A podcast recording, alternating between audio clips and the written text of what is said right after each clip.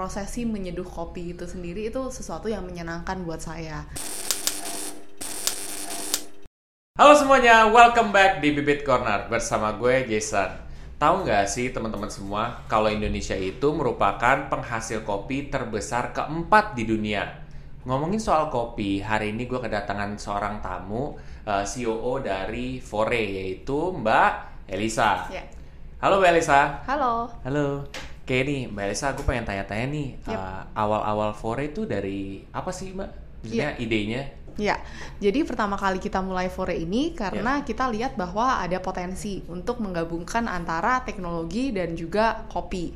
Teknologi dan kopi. oke. Betul. Dan uh, kopi sendiri kan sebenarnya sesuatu yang tidak baru lah di Indonesia. Hmm. Kita adalah negara keempat terbesar uh, produsen kopi di Indonesia di dunia. Di dunia. Ya, lalu uh, untuk uh, konsumsi kopi lokal sendiri itu masih banyak potensinya. Ya. Dan juga kalau misalnya ditanya dari uh, background kita as the founder, kayak partner saya itu punya akses langsung ke petani kopi dan kita pikir bahwa uh, semua yang uh, kolaborasi yang kita buat ini sebenarnya bisa membuat sesuatu yang luar biasa yaitu dari sisi produk sendiri kita tahu gimana kita uh, cari kopi dengan kualitas terbaik dengan harga yang kompetitif dan juga kalau misalnya saya yang sebelumnya kerja di uh, sisi teknologi Yes. dan keuangan saya tahu gimana kita bisa mengkolaborasikan uh, teknologi dan uh, coffee, sendiri. Jadi akhirnya uh, resultnya adalah kita uh, building Fore yaitu uh, company yang uh, using technology to actually uh, boost the the consumption, of the coffee. Ya. Oke, nah berarti dari sisi tek- teknologi kan. Yep. Nah, teknologi yang dimaksud tuh seperti apa? Apa mungkin ada aplikasi khusus? Mungkin kakak bisa jelasin? Ya, jadi uh, buat Fore sendiri Ya. kalau misalnya dari konsumen uh, pasti cuma lihatnya oke Fore ada aplikasi, uh, saya bisa pesan uh, kopi lewat aplikasi. Ya. That's about it. But actually what we actually do is to use that information to make uh, to create value to our customer. Yes. Jadi uh, kalau misalnya ada- misalnya kamu uh, datang ke store Fore Ya. untuk pesan uh, katakanlah pandan latte. Iya, pandan latte. Nah, lalu kita tahu bahwa oh actually Jason Jason right? Yeah, Yeah, Jason. Jason like uh, pandan latte. Uh, will you actually like yeah, this another flavor of coffee? We can shoot that ki- kind of question to you through Oh, our gitu. application. Then we can learn um, Recommendation jatuhnya ya? Recommendation and also kayak uh, kayak way for us to to build another uh, menu that's Menu. suitable for our customer. Jadi kayak ada dua hal sih yang sebenarnya uh, paling penting di aplikasi kita ini, Hmm. yaitu kayak belajar konsumen kita tuh sukanya apa Hmm. dan belajar uh, konsumen kita itu sukanya beli kopi dari mana. Soalnya kan bisa aja mereka suka beli kopi waktu mereka baru berangkat dari rumah ke kantor atau ke sekolah. Hmm. Atau bisa juga kayak mereka suka beli kopi ketika mereka lagi macet habis itu berhenti dulu untuk beli kopi. Jadi we can learn a lot of stuff from the application that we created, from the information yang we get from the application itself. Yeah. Nah, kalau misalkan dari aplikasi tersebut itu bisa kelihatan nggak sih kira-kira yang mayoritas orang membeli kopi itu usia berapa sampai usia berapa atau apa itu bisa kelihatan? Iya, itu sesuatu hal yang kita pelajari lah supaya kita bisa bikin uh, penawaran yang lebih bagus buat Iya. konsumen kita. I see. Tapi itu target marketnya Fore itu sendiri gimana sih? Maksudnya apa? Umur millennials yang 18-an ke atas atau gimana kak? Iya, jadi kalau misalnya buat kita sendiri sebenarnya target kita adalah uh, creating value for all Indonesian kan. Dan uh, Indonesia. buat kita fokus kita awal adalah ya targeting people yang udah actively drinking coffee. Jadi Hmm. awalnya sendiri ya uh, pekerja kantoran, terus juga mungkin anak uh, teman-teman yang masih sekolah dan mau kerjain tugas butuh tempat untuk uh, kerjain Hangout. tugas, Iya, hangout ya something that we can uh, target juga. Jadi buat Forest ini sebenarnya masih cukup luas lah from 18, 35 or uh, even below or even more. Jadi kayak it's something that is Broad lah ya marketnya. ya, in active age gitu kita. Hmm, I see. Jadi target marketnya itu ya bisa dijangkau siapa aja lah ya sebenarnya. Nah kalau dari sisi eh, teknologi seperti ini, eh, kakak pernah lihat nggak sih ada kompetitor yang melakukan hal yang sama? Hmm, jadi kalau misalnya kita buka aplikasi uh, food and beverage application di Yeah. Indonesia, I can see that actually there's a number of companies that already making a app. Hmm. Jadi kayak ada uh, the international brands that mostly kayak use it for the loyalty, Loyalty. atau juga kalau misalnya buat teman-teman yang lokal, mereka juga fokus untuk kayak creating uh, something that is similar to us. But I can say that actually Foray is the first and we're the strongest. Yeah. The strongest ya. Yeah, I mean if you open the app now it's the number one so. Wow, Yeah. dari dari dari ratingnya apa gimana sih? Uh, itu number one apa? rankingnya. Oh, oke, Yeah. nice, I see. Jadi sebenarnya itu uh, merupakan apa ya? Ke mau keunggulan ya dibandingkan kompetitor. Tapi ada keunggulan lain nggak sih kak uh, dibandingkan dengan kompetitor? Mungkin dari segi harga lebih kompetitif atau apalagi kak?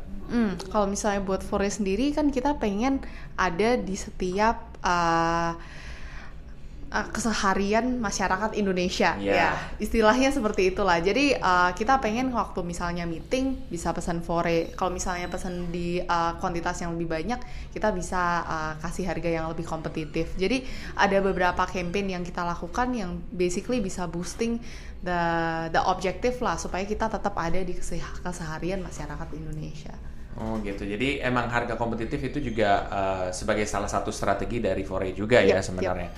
Nah, uh, kalau misalkan store dari Foray itu kan udah banyak banget tuh. Mm, mm. Itu ada kriteria khusus nggak? Uh, kayak misalkan gue pengen ngediriin di daerah Senopati atau di mana itu ada satu kriteria khusus nggak? Iya, jadi uh, dari aplikasi Fore kan sekarang uh, udah menjangkau kayak majority transaksi kita kan. Jadi kita tahu sebenarnya ketika uh, orang pesan misalnya katakanlah delivery gitu ya, kita bisa tahu kayak oh ternyata banyak yang pesen nih dari daerah uh, Kebayoran Baru misalnya gitu. Jadi uh, kita Itu dari app? Itu dari app. Dari app. Ya, soalnya kalau misalnya kita di online delivery platform itu kita sebagai merchant kita cuma taunya kayak oh ada yang beli ice latte. Tapi saya nggak tahu yang beli ice latte itu siapa, di mana. Habis itu uh, ya pa- paling sebatas cuma kayak ada produk yang harus saya kirimkan. Jadi uh, untuk uh, pendirian store kita sendiri ya kita uh, kita belajar dari situ lah kalau misalnya banyak yang pesan dari mana ya kita buka di mana. Gitu. Jadi sebenarnya segala sesuatu itu mendasari da- eh, didasari dari aplikasinya tersebut. Betul, dari informasi itu. Tapi kalau seandainya aplikasinya rusak atau Waduh. bermasalah, what happen? Ya, kita harus fix. Makanya kita uh, really invest in our technology team. Jadi everyone is uh, everything is managed internally. Kayak ya, I think uh, itu yang membuat Fore berbeda dan lebih baik daripada teman-teman yang lain lah. Teman-teman yang lain. Iya. Nah, berarti pernah nggak sih ada komplain tentang uh, teknologinya ini apa mungkin tiba-tiba error aplikasinya atau apa? Karena kan yang namanya teknologi ya error-error pasti ada lah sekali dua kali. Iya, iya. Mungkin Bibit juga pernah menghadapinya lah ya. Pernah. Uh, buat kita pasti kayak uh, masukan kritik itu satu hal yang bisa improving kita. Jadi Hmm. kita nggak pernah kayak closing our ears and uh, kayak omit all the com- bad comments lah. Dari situ uh, basically kalau misalnya ada uh, complaint errors, then uh, our team uh, will be kayak the one that is kayak uh, fixing it. I mean like the, Fixing the the tech team is then like working on it. The CS team is making sure that everyone is informed and happy. Operation team juga manage ekspektasi teman-teman yang udah ada di store supaya kayak bisa uh, misalnya menggunakan uh, channel yang lain atau juga uh, ya tetap happy lah dengan uh, experience yang ada di Fore. Jadi kan kalau misalkan eh, tadi apa namanya ada masalah di aplikasinya juga itu kan kadang bisa membuat kita stres juga ya mungkin karena komplain banyak dari sana sini. Itu eh, gimana sih cara Mbak Elisa memanage stresnya tersebut? Oke, jadi yang pertama adalah kita harus fixing dulu isunya. Jadi Issue. kayak uh, oke banyak komplain kita sekarang as a Fore kita coba untuk meminimalisir kayak komplain itu. Yang mana untungnya sekarang dengan kerjasama semua orang uh, it's actually going uh, really well. Uh, dan kalau misalnya personally kayak sebenarnya uh, stress is something that is valid lah. Maksudnya semua orang bisa mengalaminya, nggak cuma uh, saya tapi juga semua teman-teman yang ada di sini lah mungkin. Uh, jadi kalau misalnya personally yang saya lakukan, kalau misalnya saya nggak punya waktu banyak ya saya misalnya kita saya bisa spend time untuk uh, making my own coffee. Jadi kayak actually kayak manual brew is act- actually something that is very soothing. Jadi uh, untuk bikin kopi kan sebenarnya caranya macem-macem Macam-macam. ada yang dari biji kopi terus digiling sendiri pakai gr- grinder uh, manual Grinder. terus diseduh jadi kayak uh, prosesi menyeduh kopi itu sendiri itu sesuatu yang menyenangkan buat saya Hmm. kalau itu saya nggak punya waktu banyak tapi kalau misalnya saya punya waktu dan saya bisa uh, jalan-jalan saya biasanya atau saya akan berusaha untuk uh, melakukan uh, outdoor activities sih actually Mungkin Gitu. pergi-pergi ke pantai atau ke gunung gitu kan? Iya, jadi uh, pertama kali uh, doing outdoor activity ini kayak sebenarnya cukup nggak sengaja, soalnya uh, saya nggak pernah naik gunung sebelumnya, sampai gunung. akhirnya uh, perusahaan saya ngadain uh, itu outing Outing. gitu. Jadi perusahaan saya sebelumnya lah kita ngadain outing jalan-jalan naik gunung Himalaya. Jadi ya enggak ke Nepal Oh, kita. Nepal ya, ya, habis itu kayak waduh naik gunung tiga hari tiga hari empat hari tiga malam. Ya empat hari tiga malam kayak gimana ya gitu. Ya, tapi itu sampai topnya atau? nggak jadi kayak sebenarnya kita lumayan uh, yang paling sederhananya lah kalau orang Nepal bilangnya itu gampang banget bisa sehari naik sehari turun. Tapi Serius? buat saya saya nggak bisa. Akhirnya Sehari naik, sampai sehari turun. Tapi akhirnya kita sampai topnya. Tapi kayak proses untuk ke sananya ya itu mengajarkan saya banyak hal lah. Di mana kayak ya uh, pada akhirnya kalau misalnya pas kita sendiri dan kayak kita dikelilingi sama nature dan juga uh, capek banget ya. juga uh, kita saya jadi mikir bahwa sebenarnya kayak ya kita harus bersyukur kayak walaupun kayak banyak hal yang jadi uh, tekanan setiap hari karena ekspektasi karena kita sendiri karena orang lain tapi kalau misalnya kita balik ke uh, manusia pada You as a human Iya, lah ya. iya, we as a human kayak the thing that we actually really need is uh, ya refreshing. sandang ya. sandang pangan papan kan sebenarnya Iya iya kan itu Iya, iya, kebutuhan benar. primer kan. Jadi kayak itu yang eh, mengingatkan saya bahwa kayak walaupun kayak ada banyak masalah atau banyak tantangan, eh, saya diingat diingatkan lagi bahwa eh, kayak apa yang kita punya sekarang itu kayak harus kita syukuri kayak and really be present sih. Kadang kayak kita suka berandai-andai nanti besok gimana ke eh, minggu depan gimana, bulan depan gimana. Tapi kayak kalau kita drag back kayak di detik ini, momen ini sekarang kayak uh, banyak hal yang harus disyukuri banyak hal yang kayak ya dilepaskan saja tantangan-tantangan ke depannya yang penting kayak sekarang saya lakukan yang terbaik di detik ini gitu. Jadi itu kita juga jangan terlalu too much thinking juga ya Iya, karena too iya. much thinking juga bisa bikin kepala kita pen- pening yang Iya, kadang mungkin kayak uh, itu nggak bakal terjadi tapi gara-gara kita pikirin-pikirin mulu malah kita sakit badannya ya nggak sih? betul Gitu. betul betul Dan salah satu obatnya itu adalah ya seperti yang kakak tadi bilang ya Iya. itu itu sebuah contoh aja Iya. bahwa ya itu cara kakak untuk refreshing gitu. ya. betul betul outdoor uh, kalau misalnya bisa ya exercise Mhm. ya exercise kan ya itu benar-benar kadang kalau misalnya kita olahraga super intens habis itu kayak kita diminta melakukan kayak satu set exercise kayak kita waktu awal rasanya kayak ya ampun berat banget ya kayak aduh gue nggak bisa deh kayak disuruh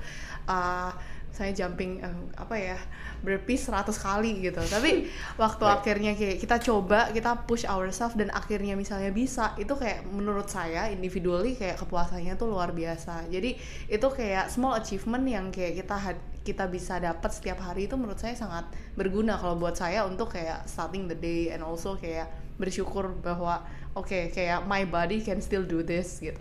Oh gitu. Tapi tadi uh, di belakang layar, ya Ya. kan kita ngomong juga nih tentang gimana sih cara Mbak Elisa tuh tahu tentang uh, cara ngelola keuangan. Mm, Nah bisa ceritain nggak sih ke kita langsung nih ke kamera? Iya. sini? Iya, jadi ceritanya kemarin uh, waktu saya kuliah, saya kebetulan ngambilnya tuh business management, Hmm. tapi saya bisa ngambil elektif personal finance. Jadi di personal finance ini uh, kita diajarin gimana kita bisa merencanakan uh, keuangan pribadi sampai umur uh, 70 tahun. Jadi ceritanya uh, di samping kita belajar kayak produk investasi itu ada A, B, C, D, E. Ya. Uh, tugas utama, tugas besarnya adalah kita bisa eventually making that uh, projection lah intinya. Projection. Ya. Dan dari situ uh, akhirnya saya belajar bahwa kalau misalnya ke depannya nanti uh, kita punya pengeluaran, apalagi kalau misalnya nanti uh, akhirnya berkeluarga dan uh, punya anak, itu pasti kan ada tanggung jawab yang harus ditanggung gitu. Jadi uh, dari dosennya juga kayak mengajarkan bahwa kayak uh, I'm not telling you to do it, To do it, tapi kita suruh figure out sendiri gitu I mean ya. you see kayak what kind of kayak uh, income that you gonna have in a di tahun-tahun ke depan tuh kira-kira pendapatan kamu berapa, keputusan kamu untuk menghabis uh, mengelola uang kamu itu ya dia serahkan ke kita. Cuma uh, kita yang jadi mikir kan, oke kalau misalnya saya mau berkeluarga, saya mau punya anak, anak harus sekolah apa segala macam. Saya udah coba bikin projection Ya, dan kalau tapi- misalnya uh, lumayan konservatif seperti Iya, saya boleh cerita lah. Maksudnya keluarga Boleh, saya boleh. tuh lumayan konservatif. Jadi Oke. kalau misalnya produk investasi yang pasti-pasti aja lah gitu. Oh, gitu. Jadi kayak yang secara resiko tuh yang paling rendah. Uh, kalau misalnya saya menggunakan uh, uh, apa ya cara yang sama, saya rasa ya memang harus Harus apa? harus antara pendapatannya besar sekali atau ya mengelola uangnya misalnya pengeluarannya ya harus benar-benar di manage gitu. Di-manage. Tapi kan uh, kita pasti waktu merencanakan hidup ya ada ekspektasi lah gitu. Tapi Seko- anak sekolah harus di sini. Benar. Gitu. Tapi kakak uh, bikin komposisi nggak sih berapa persen misalkan buat investasi berapa persen mungkin buat uh, mungkin kakak ada niat untuk bikin bisnis lagi atau apa itu ada nggak sih komposisi kak? Back then waktu saya bikin ko uh, jadi saya ada beberapa fase. Jadi waktu pertama Iya. kali saya bikin kayak tabungan doang. Tabungan. doang tuh kayak aduh susah banget nih kayak gimana ya nanti waktu umur segini gitu. Jadi akhirnya ya udah saya redo. Saya bikin lagi kalau misalnya saya investasi yang uh, konservatif. Itu masih kayak agak ya gitulah gitu. Bisa cuma mepet gitu. Sampai akhirnya kayak uh, saya coba exploring kayak beberapa produk investasi lain dan uh, projecting kalau misalnya memang success rate-nya bagus ya something yang uh, lebih bisa baik dicoba lah. ya. gitu ya. Nah kakak tuh bisa coba bibit tuh Iya. karena bibit tuh kita sudah memprofiling resikonya juga. Iya, Jadi- pasti pasti saya udah punya aplikasinya kok. Oh iya, iya, berarti tinggal invest sekarang Iya. Kak. Nah gitu. Nah kakak, kakak sendiri punya nggak sih kayak eh, quote khusus gitu loh yang yang bisa menginspirasi teman-teman semua di sini? Hmm. Jadi sebenarnya quote-nya nggak dari uh, oh sosok figur sesuatu, tapi uh, sebenarnya sintesis dari apa yang kita lakukan sekarang sih. Jadi uh, kalau misalnya kita pengen melakukan sesuatu, ya kita uh, nggak boleh berandai-andai what if what if what if, tapi kita harus coba. Karena kalau misalnya kita nggak coba kita nggak tahu. Gitu. Seperti ceritanya Fore juga. Fore kan kalau misalnya boleh cerita juga kayak kita punya idenya dua minggu kita langsung buka store-nya, langsung bikin aplikasinya, dan along the way kita banyak fixing a lot of things dan juga uh, kita belajar along the way. Jadi secara bisnis kita uh, improving, secara personal uh, we as the founder juga improving. Gitu. Jadi sebenarnya kuncinya adalah if you never try, you never know. gitu Yes. ya.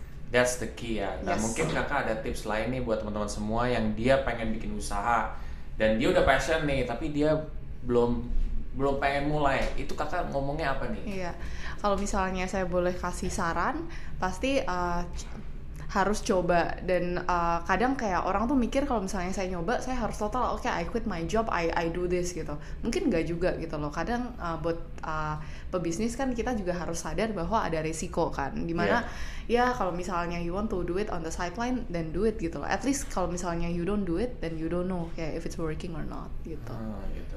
It's better trying than not lah ya yes, gitu yes, ya. yes. Oke, jadi itu aja untuk uh, podcast kita hari ini. Mudah-mudahan podcast singkat kita ini dapat memotivasi teman-teman semua yang uh, menonton dan mendengarkan podcast kita ini. Sampai jumpa di podcast kita selanjutnya. Bye bye.